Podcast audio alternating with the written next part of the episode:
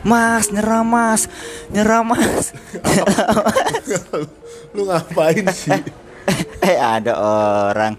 Enggak pak, gue tuh lagi latihan uji nyali. Hah? Lagi latihan uji nyali gua. Ngapain lu latihan-latihan uji nyali sih? Karena gue tuh eh, tiba-tiba keinget film zaman dulu pak, zaman gua SD. film, Salah satu film favorit gua. film, Iya. Eh mungkin reality show mungkin. reality show. Itu lah show ini apaan sih? Apaan sih? Atau oh Yang lo maksud apa ada? Bang? uji nyali dunia Oh, lain. nyali. Wah itu dulu Dunia gua nggak tahu ya pas masih SD dulu gua tuh selalu mantengan itu. Ya oke oke oke lah. Emang emang itu acara adalah salah satu acara yang sempet hype banget dari di Indonesia Iya. dah. Cuma maksud gua kenapa lu tiba-tiba keinget gituan gitu? Karena eh gua nggak tahu kenapa ya karena akhir-akhir ini emang viral banget sih tentang tentang horor gitu. Hah? Salah satunya kemarin ada cowok yang ngak- mengaku dia naik dari Bandung ke Bekasi naik bus hantu. Oh. Lu pernah dengar nggak sih, kan? Oh iya iya iya. Ya. Iya iya ada tuh yang yang dia bilang apa katanya penumpangnya rame begitu di foto. Ya pas dia kosong. selfie cuma dia sama kursi doang gitu-gitu kan. Iya Ya banyak iya. orang yang pro kontra lah terhadap itu ya. Banyak. Ada juga yang viral-viral yang lain lah kayak pendaki gitu-gitu ya. Ya, pendaki kenapa pendaki? Pendaki katanya dia hilang lah beberapa hari di salah satu gunung di Jawa Oh, Timur. Kemudian ya. banyak kayak anak-anak indigo gitu, oh dia masih hidup masih hidup gitu gitulah ya. Ya namanya di hutan ya pasti ada mistisnya tapi kita nggak tahu Iya lah iya ya. benar-benar. Tapi alhamdulillah sih sekarang udah ketemu. Oh iya iya. Tapi- ya benar sih kalau misalkan yang namanya gunung gitu kan memang tempatnya mereka ya pasti ada aja. Iya lah. benar. Walaupun mungkin hilangnya pendaki itu nggak serta merta mistik itu tur- ikut campur gitu ikut campur ngerti nggak lo? Iya. Tapi, memang nggak loh, bisa dipungkiri kalau Gini. itu ada gitu. Iya benar. Tapi gini loh kak, gue tuh termasuk orang tuh yang sebenarnya sih nggak percaya ya. Nggak percaya tapi anda tadi tirukan dong. Gimana? Eh, eh katanya ada mitos kita tuh nggak boleh ngomong nggak percaya sama yang begituan. Tiba-tiba nanti malam ketemu loh. ya Jadi, lu. jadi gue kayaknya lu siap-siap lu. gue kayak lu nggak, jadi, siap-siap lu. gue kayaknya setengah percaya aja. Tak- takut gue. Main aman. Temen gue pernah ngomong kayak gitu. Ya. Iya benar. Terus nah dia? kan lu lu baca nggak sih kalau yang Ntar yang lu temen lu kenapa? Iya, Keluarin dulu satu. Temen-temen gue bilang gitu, kata dia Nop, "Eh, lu tahu nggak yang yang orang naik bus hantu itu? Ternyata dia itu bilangnya, gue tuh orang yang nggak percaya tentang tentang yang begituan. Oh, Itu oh jadi baca banget. jadi jadi yang yang ya bisa dibilang korban lah ya. Korban Iya, yang bis iya itu benar. dia tak kabur duluan. Kabur, dia bilang saya itu termasuk orang yang nggak percaya ya. Eh, terserah deh, lo mau percaya apa enggak sama gue? Yang jelas gue ngalamin ini, dia bilang gitu. Oh, Oke. Jadi dia ng- ngingetin kita tuh jangan jangan sombong lah, jangan istilahnya jangan ngereme- ngeremehin. Ternyata Jangan dia sendiri yang ngerasain. Makanya Iya, tadi gue tarik omongan gue, gue setengah percaya. ya jangan Takut tak gua, Jing. Tapi ya gitu, gue tuh termasuk orang setengah percaya lah ya yang hal-hal yang begitu. Tapi gue yakin, Diulang terus. gue Kenapa? yakin ada sih. Ya pasti ada kayak gitu-gitu sama Nop Kayak nggak usah jauh-jauh lah Lu nggak usah jauh-jauh ke hutan Di sini nih sekitar kita juga pasti ada aja Ya, Cuman serius mungkin Ya pasti ada kayak gitu mah duduk bro sini aja deh samping gue. Ogah Ntar lu Gua nanya hilap gimana dompet sama HP gue hilang eh gue belum kenalan nih. Selamat datang di Nopri Podcast teman-teman. Jadi eh, selamat di Podcast. Gue nggak tahu kenapa malam ini gue cuma pengen cerita aja tentang horor gitu. Tapi gue nggak sendirian karena gue ditemenin sama teman gue. Yoi ada Raka di sini Selamat datang eh, Yoi. Polkadot. Eh, kok Podcaster. Polkadot sih? Polkadot. Polkadot itu punya saya. Ah, ya. Jadi buat teman-teman eh pendengar Nopri Podcast, Iya. bolehlah main-main ke Polkadot. Podcast ala Raka Cekidot. Pak, makasih HP saya loh, Pak, basah. Sorry. Polkadot yang hits banget lah podcast. Eh, ya gitu sih kak. Eh, Apa? Gua termasuk orang yang nggak percaya tapi hal-hal yang gitu sih gue yakin ada. Tapi kalau ngomongin masalah mistis tuh sebenarnya di Indonesia tuh emang udah bukan hal tabu lah ya. Istilahnya kita dari kecil kita udah diperkenalkan lah dengan hal-hal yang begituan gitu-gitu. oh Cuman, iya. eh, yang gua pikir tuh kadang-kadang apakah di luar negeri juga ada kah hal-hal yang begituan? Kan lu Nop, biasain satu-satu dah. Nanti dulu bilang, Ya. kita tuh dari kecil biasa apa namanya? eh, udah udah biasa dikasih pengetahuan tentang hal-hal mistis. Benar. Mending kita stop dulu sampai di situ. Oke. Karena emang gua harus mengiyakan. Oke. Sebelum Apa lu gua lanjut ke luar negeri ya. nih lu? Sebelum lu lanjut ke Oke, luar oke, negeri ya. oke, oke. Eh, apa namanya yang tadi lu bilang kita masih kecil eh kita dari kecil tuh emang udah dikasih tau pengetahuan mistik-mistik itu Oh, iya, iya. itu gue harus mengiyakan karena nggak sedikit anak-anak tuh untuk mengingatkan mereka untuk pulang lah ketika mata terbenam kayak maghrib Iya, atau udah benar. hari mulai gelap itu kayak misalkan eh ntar diculik wewe gombel Nah, gitu itu kan dia. atau ada pocong gitu, Iya. gitu. Bahkan teman gua dulu pernah diculik ke Gombel, Pak. Ah serius lu Serius demi Allah. Jadi iya anjir oh lu dong Iya, gimana ini, gimana ini serius jadi waktu itu ada teman gua namanya Agung. Dia itu kayak kata lu tadi, dia keluar maghrib maghrib pak. ah nyari rokok nyari rokok bukan Kayaknya dia beli Starbucks. oh iya. Starbucks ya Iya, oke nggak tahu juga kan. gimana gimana Gimana? Akhirnya setelah sampai jam 10 11 malam nggak nggak pulang-pulang. buset Karena serius anak lu? ini biasanya itu anak umur berapa umur dia masih nggak sekitar 8 9 tahun lah. oke 8 9 tahun. Eh, kenapa dia dibilang hilang? Karena biasanya dia tuh nggak pernah balik di bawah jam 8. Tapi tiba-tiba malam itu nggak pernah balik di atas jam 8 di atas kali jam 8. Tiba-tiba malam itu nggak balik-balik. Orang tuanya udah udah nyari ke mana-mana tapi nggak ketemu. Akhirnya eh diumumin tuh di masjid. Gue masih inget banget waktu itu malam Jumat. Eh gue tinggal di Palembang kan waktu itu malam Jumat. Dan dibilang lah ke Ustadz itu, ya udah cari aja dulu sama RT gitu kan. Nggak ketemu sampai Orang jam satu malam. orang sempat mikir diculik kali ya Ah itu dia. Cuman akhirnya kenapa eh, keluarganya yakin banget dia hilang karena ada something ya? Gitu. Jadi di tempat kita itu ada kayak paranormal gitu. Dia bilang, oh ini si Oh, ada Agung." orang pintar. Iya, kata dia ini si Agung S3 S3 kayaknya es Starbucks kayaknya. Starbucks lagi Dia bilang gini, paranormalnya bilang gini, "E, ibu percuma kalau mau nyari ke mana-mana karena Agung ini ada di sekitar kita dia bilang. Dia ada di bawah pohon bambu. Wow, kaget dong keluarganya bilang gitu. kagetnya gimana lah adalah Wow, wah wow gitu. ya ya ya terus terus hilang kok kesan horor gitu kan terus, ya. kaget harus gitu pak. Wow. Terus dia bilang gini kan. Hmm.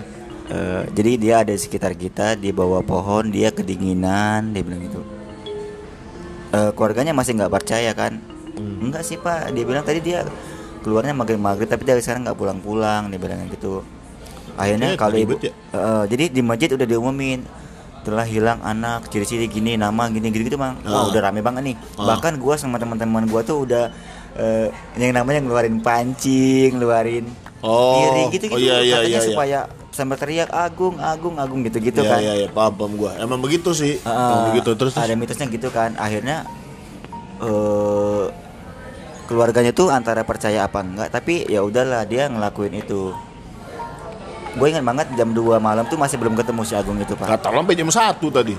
Dia itu jam satu udah udah rame udah crowded banget kan Oh. udah pada nyari nyari Agung Agung di mana mana akhirnya kata dia bilang ya udah kita cari di di sini daerah di dekat rumah kita tuh yang ada pohon bambu. Jadi di belakang rumah itu Oh, akhirnya ada- ngikutin Iya, omongan orang dia. pinter itu. percaya nggak percaya dilakuin lah. Ya udah terus?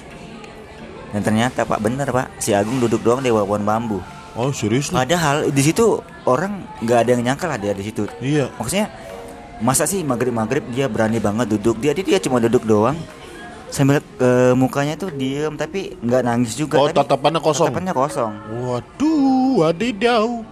Dan eh sorry sorry nih ya sorry sorry itu Iya. saya ini ya. Kan katanya kalau misalkan lu diculik wewe gombel itu dikasih makannya tuh kayak nah ini gue gue Oh, ini gue pengen ngomong pak Oke, jadi gimana gimana? Akhirnya wah nangis lah kan nah akhirnya wah aku Nangis? alhamdulillah- Yang enggak, nangis orang ketemu, pas tuanya? ketemu pas ketemu Orang tuanya aku- nangis? iya orang-orang udah pada lempar pancing lempar Nah. di piring karena udah seneng kan wah agung agung pas dia dipeluk gitu dia nggak nangis diem doang diem doang anjir itu Dan- dia bukan tuh Nah, lu tahu nggak? Sampai pagi harinya dia nggak nggak ngomong pak, sama sekali nggak ngomong, sama sekali nggak ngomong, nggak bisa ngomong itu kayak dia doang.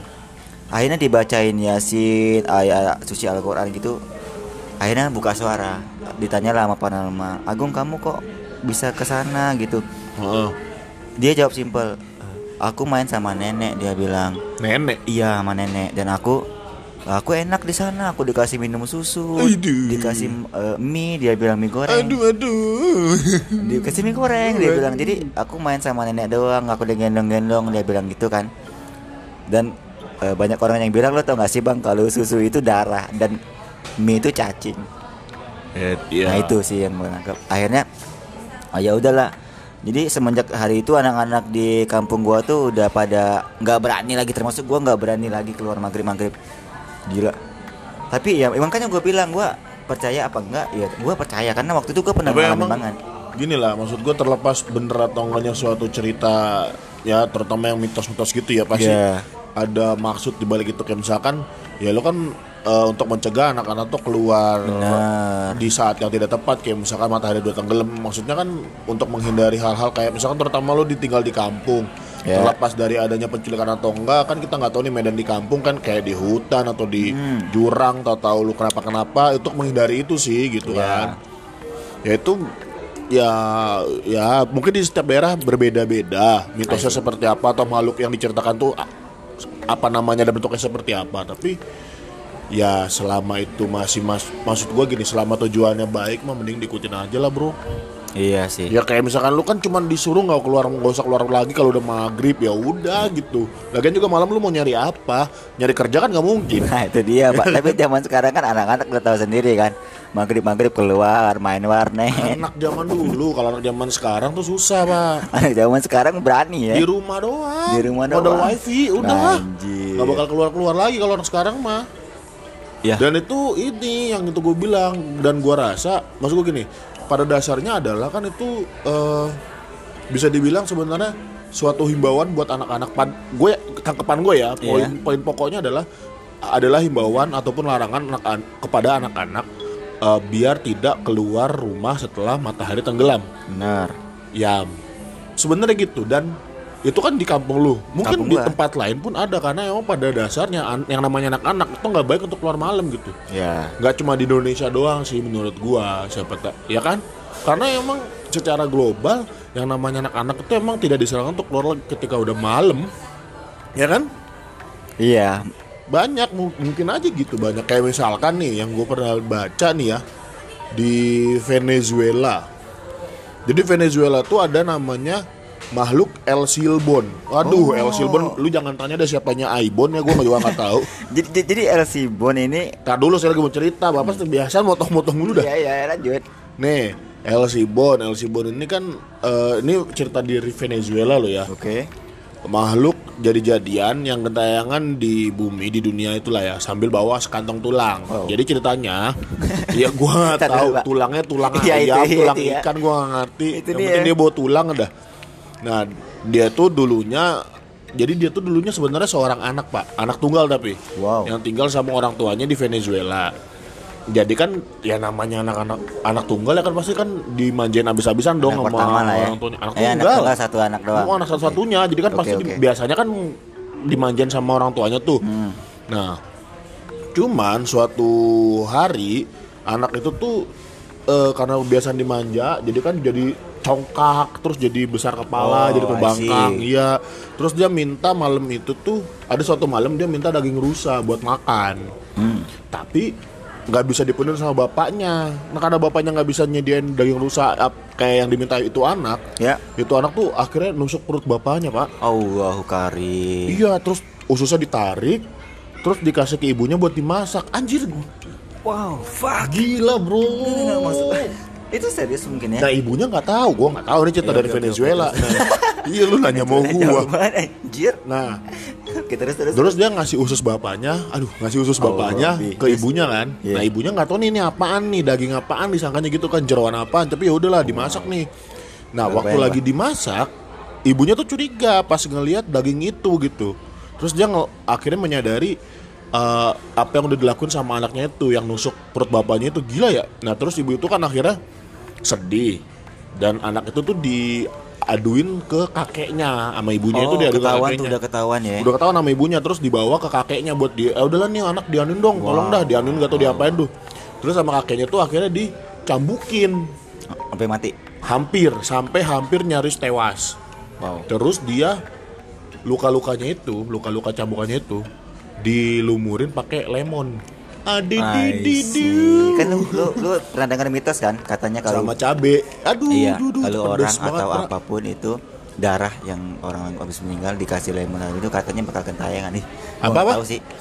Jadi gue pernah dengar mitos atau apa gitu eh, misalnya ada orang meninggal nih atau atau apa gitu ya nah darahnya itu ditaburin ini pak garam sama air jeruk gitu itu nggak boleh katanya buat bakal ngantuk dia bilang gitu gua nggak tahu ya oh gentayangan tayangan oh gitu ya terlepas dari itu ya nah terus kan apa namanya tadi sampai mana tuh Nah. luka lukanya kan di ini Iya, pakai iya. lemon pakai ini belum Oke. mati dia belum mati wow I see Terus- Iya, nah terus kakeknya itu ngasih anak itu tuh tulang-tulang bapaknya. Jadi bapaknya kan udah mati nih. Waduh. Tulang-tulangnya dikasih sama kakeknya ke bocahnya. Nih nih tulang bapak lu nih gitu.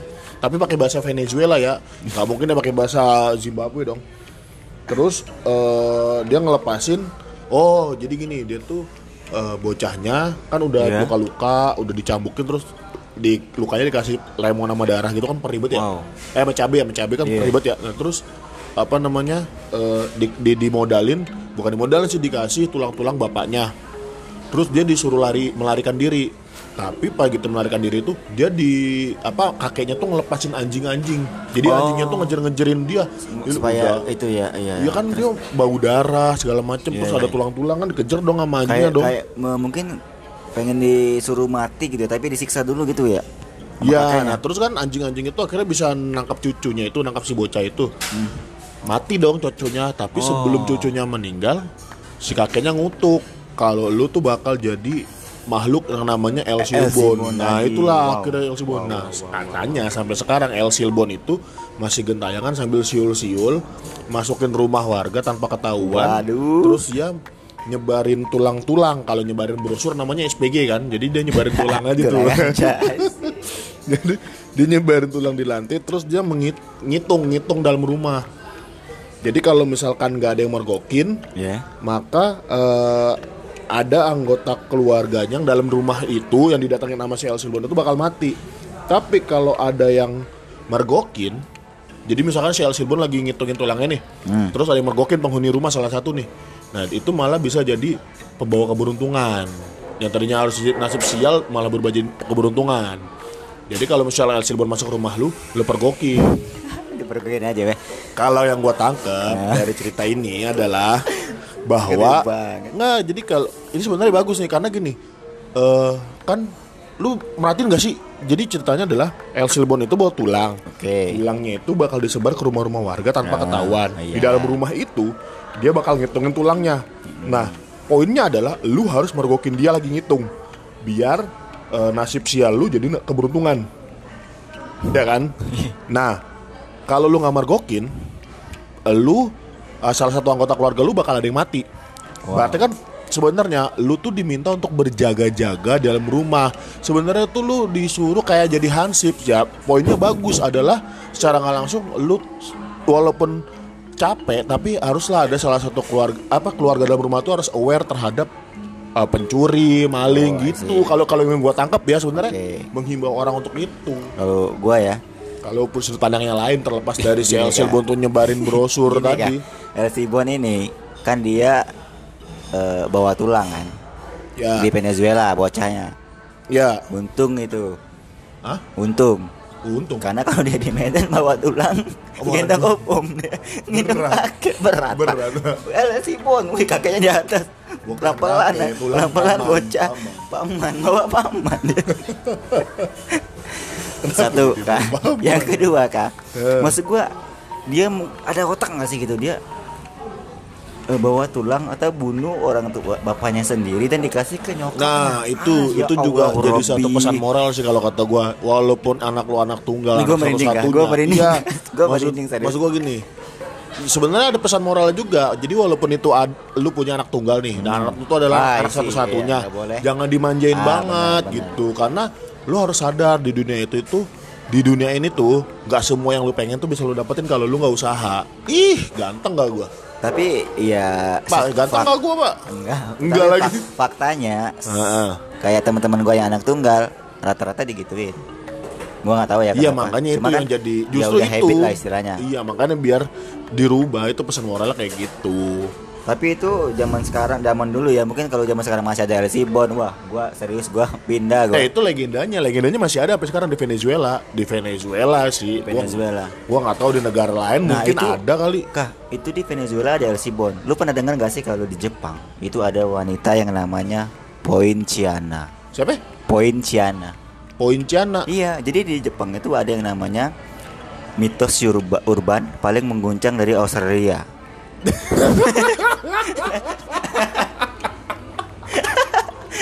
gua salah baca anjing. dengar dulu, dengar dulu, dengar dulu. Dengar dulu, Kak, dengar dulu. gua salah baca lagi. Coba. Jadi eh, liputan 6.com eh salah Enggak, enggak, enggak.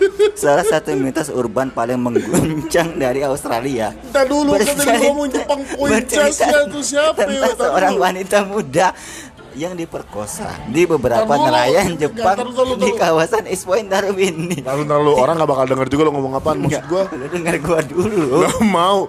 Apaan Gua siapa salah siapa? baca. ya? Gua salah baca gini.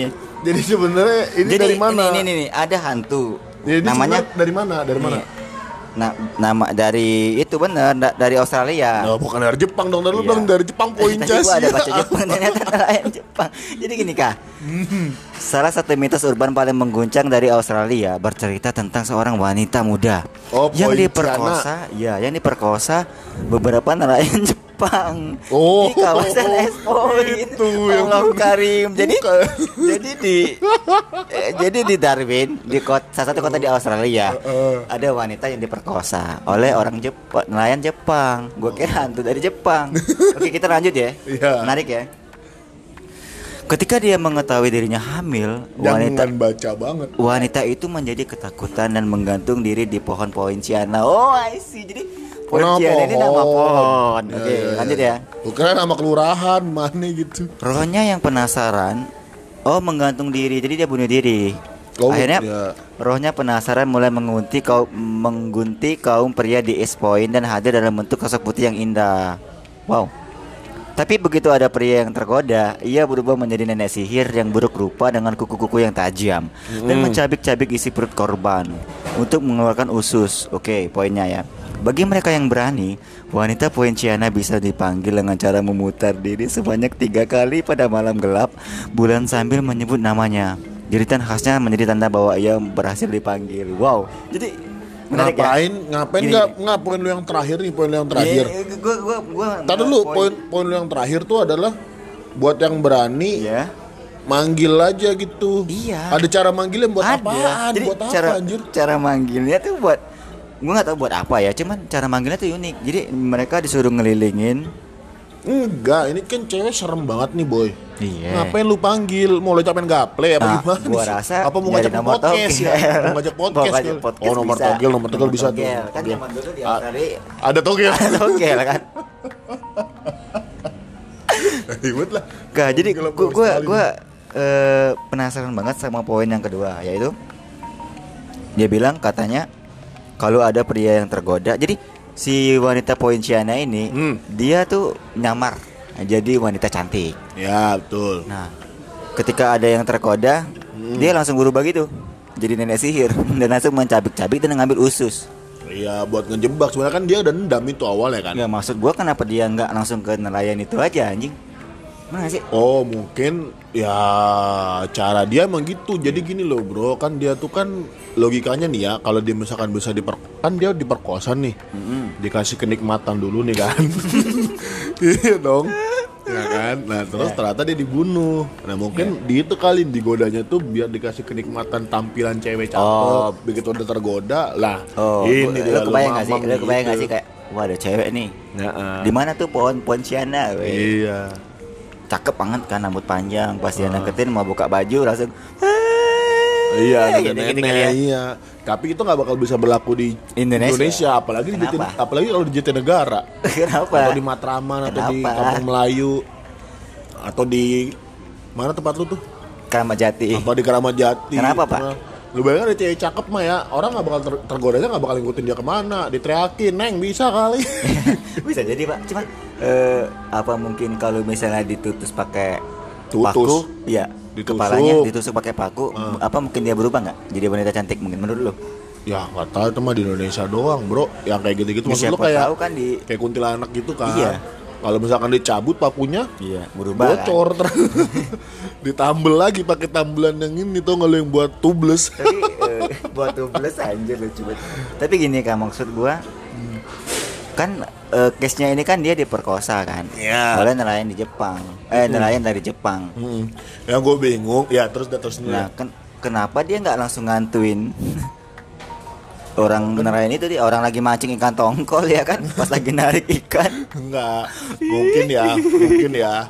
Eh, dia tuh kan mengira adalah wa, cowok Jepang yang merkosa dia tuh emang warga lokal. Mungkin perkiraan dia gitu, makanya dia dendam sama sama orang-orang yang ada di situ aja gitu. oh dia nggak tahu ya dia itu tanpa Jepang pandang apa. bulu ya.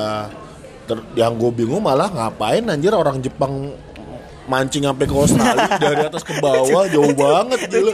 oh Iya kan? iya ya Ngapain lu nyasar apa gimana maksud gue gitu loh. Kan Australia sama Jepang tuh jauh banget ya kan Iya. Lu naik naik ojek aja bisa sampai tiga tahun Ya jangan naik ojek juga dong anjir Maksud gua jauh gitu lu ngapain kepikiran kenapa orang naik Jepang ke Iya. Australia Cuman ya itu sih apa Itu kan kalau misalkan ceritanya orang orang Jepang ke Australia nih ya. Nah ini ada orang Jepang yang beneran dari Jepang ini. Beneran dari Jepang. Iya maksud gua Apa di- tuh, orang Pak? Jepang di Jepang gitu. Nggak, wow. kayak cerita lu aneh banget kaget sih kayak yang ibu-ibu hilang tadi. Hah? Ibu-ibu kaget yang anaknya Ya, hilang. anjir, wow. Nah, tetangga lu tuh. Lanjut. Yang itu jadi di Jepang nih orang Jepang yang ada di Jepang nih ya nggak kayak tadi cerita lu lucu Ini asli orang Jepang ya, asli Jepang orang ya. Jepang di Ya, Australia gokil. numpang mancing jauh banget. Jadi di negara Jepang tuh ada nih.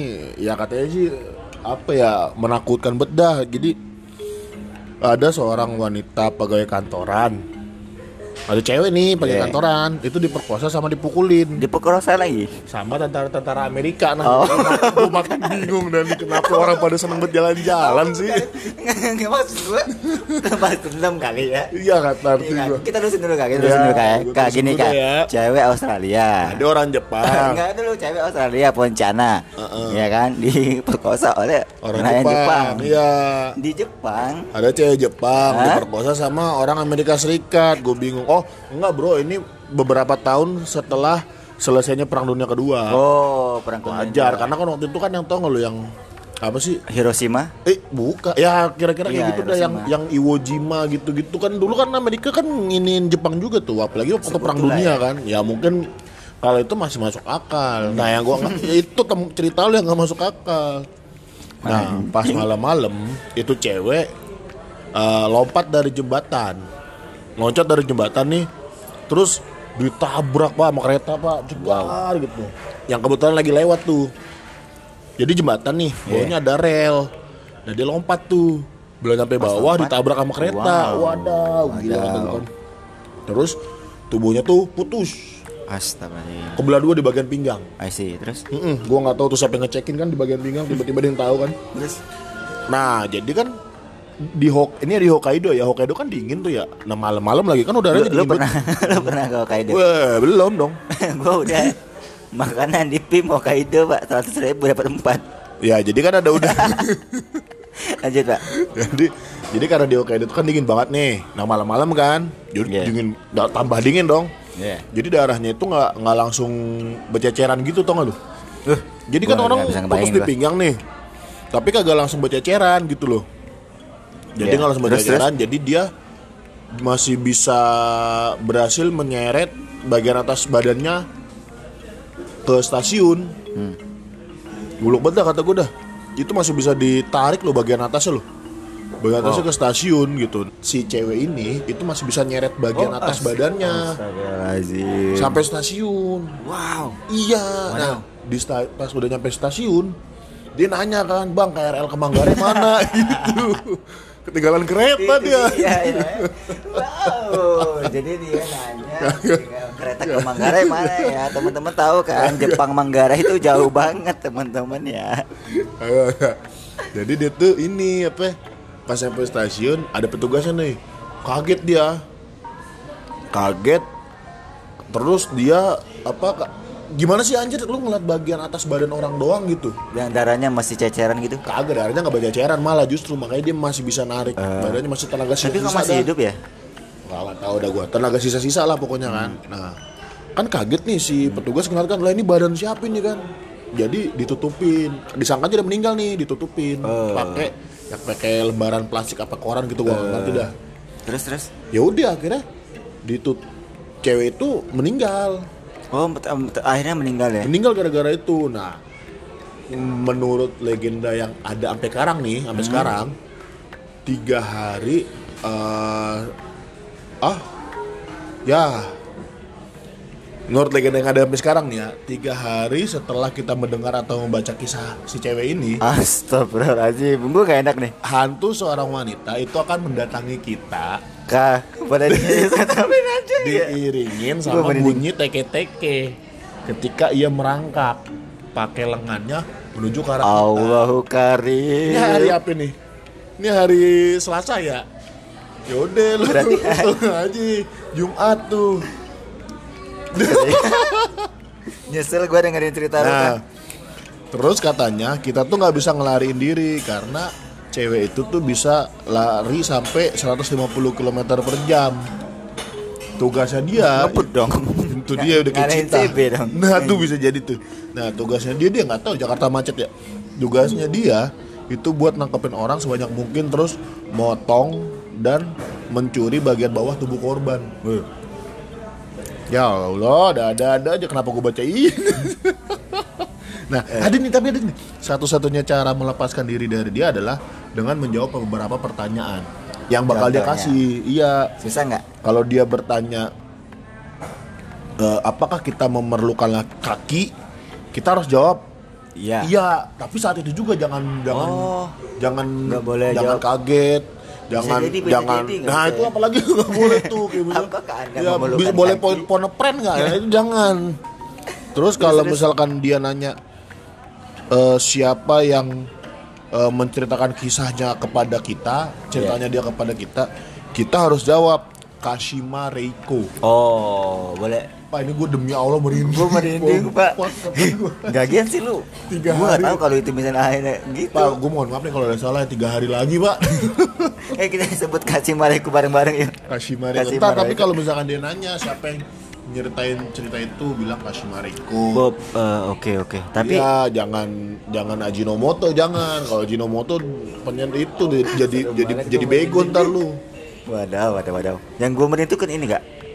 Yang lu bilang pas katanya yang hantu teke-teke ini dia masih bisa berjalan di atas pak rel. udah pak tiga hari lagi pak itu udah mending cerita yang lain lagi dah gue jadi ngeri Tapi aja eh, wanita ini kan dia karena Dia dibahas diri mau, lagi. mau, mau diperkosa kan? Iya. Nah, mungkin dia pasangannya ke mana sih? Pasangan wanita ini? Hah? Karena ada nih pak, kalau nyeritain pasangan tuh di Norwegia ada hantu yang berpasang-pasangan. kayak gimana tuh Nah, Nah dulu nih beneran ya, ntar jangan kayak yang tadi tuh gue salah baca nih, tuh Pak. anjing. Nih. Tiba-tiba di Norwegia. tiga hari lagi aja datang. Gue ngeri ini gua, kayak gitu ini juga nggak nggak ini nggak ngantuk kok nggak ngantuk kok. Paling dia langsung muncul ntar malam. Ya anjing lu nggak lucu bercanda lu dah ngeri gue jadi di Norwegia ada pasangan yang tidak berkesempatan berlibur bersama. Siapa namanya? Namanya kalau nggak salah Poin Upin Ipin bukan bukan kayaknya Upin Ipin dari Malaysia deh tapi pak. kan dia pasangan kan? Bisa jadi. Eh, apa Owi Butet kali Owi Butet. Ke oh, udah udah ini Pasangan, pak kan? udah udah ini pak. Udah pensiun oh pak iya iya Pak. udah. Tapi bisa jadi sih. Iya. Udah terusin. Siapa? Apa Jadi di Nor- Norwegia ada pasangan yang udah berkeluarga tapi dia tidak sempat berlibur bareng. namanya? oh ya ha. Akhirnya mereka kemudian mencari pengasuh anak untuk menjaga bayi mereka. Oh, jadi mereka udah punya anak. oke Ketika tiba harinya si pengasuh datang terlambat dan kemudian menelpon untuk memberi kabar bahwa mobilnya bermasalah. oke Akhirnya dia memanggil montir dong dan berjalan 15 menit ke arah rumah tersebut. Merasa yakin pasangan itu mengikat bayi mengikat bayi mereka di kursi tinggi untuk bayi. Ngapain juga ya oh kursi tinggi buat bayi ngerti nggak Oh, ada kan kursi yang tinggi iya itu buat kan. kursi kayak kursi makan Iya. ya. terus Kemudian mencium selamat tinggal lalu bergegas menuju bandara karena nyaris terlambat. Oh. Jadi dia kayaknya udah buru-buru mau ke bandara, Pak. Sementara pengasuhnya belum datang. Kalau yang gue tangkap ya. Oh Akhirnya jadi dia- intinya pengasuhnya Iya, nggak datang ya? Pengakunya pengasuhnya mau datang tapi dia udah udah buru-buru ke bandara. Akhirnya diikat doang bayinya di atas kursi. Terus eh ada versi lain nih, Pak. Yang mengatakan kalau pengasuh itu tiba-tiba datang tapi pintunya tertutup dan terkunci karena tertiup angin. Ia menganggap pasangan itu bersama dengan bayi mereka dan pergi meninggalkan rumah. Sehingga bayi tersebut hilang sampai sekarang nggak ketemu. Mungkin diculik kali.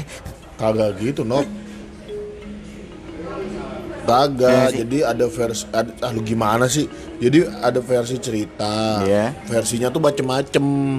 Yang satu ada yang bilang kalau waktu si pengasuh jadi pengasuhnya tuh tetap datang, tapi Oke. begitu datang pintunya tuh ketutup sama kekunci. Gitu loh. Karena ketip angin. Nah, karena si pengasuhnya ngira Oh ya udah deh berarti ini bayi nggak jadi gue jaga. Udah dibawa udah bawa pergi sama orang tuanya. Jadi dia cabut. Itu versi pertama. Padahal masih ada di dalam rumah. Nggak ketahuan kan. Nah versi lain tuh ada yang bilang kalau si pengasuh ini eh, mati ketabrak truk waktu lagi ber- eh, dalam perjalanan menuju rumahnya si bayi. Ada juga yang bilang kalau si pengasuh ini sebenarnya eh, saudaranya si orang tua ini yang udah lanjut usia terus meninggal karena serangan jantung sebelum sampai untuk ketemu si bayi Ya, intinya pengasuhnya itu tuh nggak pernah nyampe ke rumah itu Oh. Nah, dal- dari semua versi cerita itu, si pasangannya itu si orang tuanya si bayi itu kan balik nih, akhirnya dari liburan kan. Ah, Pas dia balik, dia ngeliat bayinya itu udah meninggal, keadaannya membengkak, terus masih keikat dalam kursi tinggi masih yang dia ikat tuh. yang dia ngikatnya tadi ya? Iya, kalau udah bengkak mah gila ya tuh, berarti udah berapa hari tuh ya? Nggak, maksud gua, eh, maksud gua, lu orang tuanya kok tega gitu demi tiket pesawat ke berlibur, anaknya diikat, bego ya? Ya kan dia mikirnya pengasuhnya bakal dateng karena pengasuhnya tuh kan jadi lu kan lu cerita tadi kan Iya, maksud pengasuhnya kan kenapa dia nggak nunggu pengasuhnya dulu gitu? kan itu udah mau ketinggalan pesawat. Iya sih, tapi kalau Ya, dipikir-pikir ya kenapa? Itu adalah pesan moralnya. Apa pun yang terjadi, yang namanya bayi, jangan lu Ya, tinggal benar. sendirian. Iya, tiba-tiba bayinya jadi bayi gorila gimana? Ayo. Kalau menurut gua poinnya tuh eh semahal apa pun, eh, seberharga apa pun anak lu masih kalah sama tiket pesawat pak. Ya, jadi itu goblok sih. Menurut gua Goblok, lu lebih milih tiket pesawat daripada Iya. anak lu. Gue sih kalau punya anak gue bakal bingung kenapa tiba-tiba gue punya anak anjir kan gue belum nikah ya Bukan bingung mau diangkat apa enggak ya? iya bukan ini anak siapa ya gue gitu kalau gue sih pasti bingung Kalau gua nih kalau gua ya tetap gua anak gua gua tungguin dulu. Ikat, gede sampai oke. S3 ya baru lu Iya. cabut ya Iya. Pas pengasuhnya udah datang ya kan anak gua gua ikat nih. Heeh. Pengasuhnya datang nih kak. Nah, gantian pengasuhnya Pengasuhnya gua ikut ikat. Pengasuhnya gua ikat, gua kata-katain mampus lu gitu. Iya, ya maksudnya Berarti- Jadi ya, ya sebenarnya gini sih maksud gua ya baik itu yang di dalam luar dalam negeri ataupun Ataupun- luar negeri iya. tadi kita ceritain itu kan ada aja gitu pesan moralnya ya kecuali tadi tuh yang cewek buntung di Jepang aja Udah jangan dibahas lagi sih. gua sampai sekarang bakal ngingetin kasih Mareiko itulah Kasih Mareko, Si- kasih Mareko udah gua udah tiga kali dalam hati gua Ya, kasih sebutin. Mareiko itu pokoknya kalau dia nanya kasih Mareiko dah. Iya. Ya, itu maksud gua eh, semua cerita hantu itu Ya. sebenarnya mungkin ya mungkin ya karena kita nggak tahu kan itu kan cerita yang turun temurun dari mulut ke mulut. Iya. Ya maksud gua bisa jadi itu adalah sebuah pesan eh, mem- apa secara orang zaman dulu tuh memberi suatu pesan lah gitu. Iya. Bahwa lo tuh harus gini gini gini gini Bahwa karena enggak di- gini gini gini gini gitu. Iya, Jadi ada sebab bahwasanya- akibat. Bener, bahwasanya di dunia ini tuh uh, ada makhluk lain yang hidup Bukan gitu Nop Maksud gue tuh adalah gini Kayak misalkan Wewe gombel nyulik anak malam maghrib-maghrib Adalah pesan bahwa ah, lu ya. Oh. Orang tua agar menjaga anaknya biar gak keluar maghrib-maghrib oke, Ya kan Terus yang tadi, Tadi yang yang- bayi yang Bayi, bayi, iya. jangan jangan lu tinggalin Tinggal. Apa pun alasannya gitu Maksud gue tuh ada pesan moral di situ Kalau yang tadi pak, yang cewek diperkosa. Bodoh amat gitu mah Gue lagi mikirin keselamatan gue aja Tiga hari lagi Ber- berarti gini pak, berarti kalau cewek nggak boleh berada di ini di pinggir laut. Oh yang nelayan Iya, di perkosa nelayan Jepang tadi. Apa apa Enggak, apa a- poinnya? Enggak, poinnya adalah kalau lu ngelihat ada nelayan bukan dari negara lu nggak ada izin tenggelamkan udah itu aja kenapa tiba-tiba nelayan Jepang Udah, mancing di nih.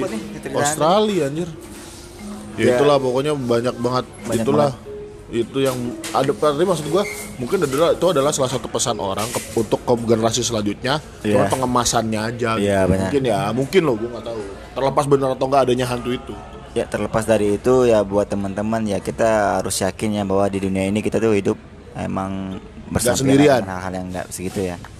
Ya mungkin segitu aja teman-teman cerita horor dari gua sama Raka Sirta, ownernya Polkadot. Eh, ke Polkadot. Main-main ke Polkadot nanti kita bakal main ke Polkadot. Terima kasih teman-teman yang sudah dengerin cerita hantu yang ya mungkin dibilang dibilang seram lah ya. Ya. Buat teman-teman jangan lupa malam ini untuk Terima kasih teman-teman sudah dengerin di Napri Podcast. Sampai ketemu di episode selanjutnya. Bye bye.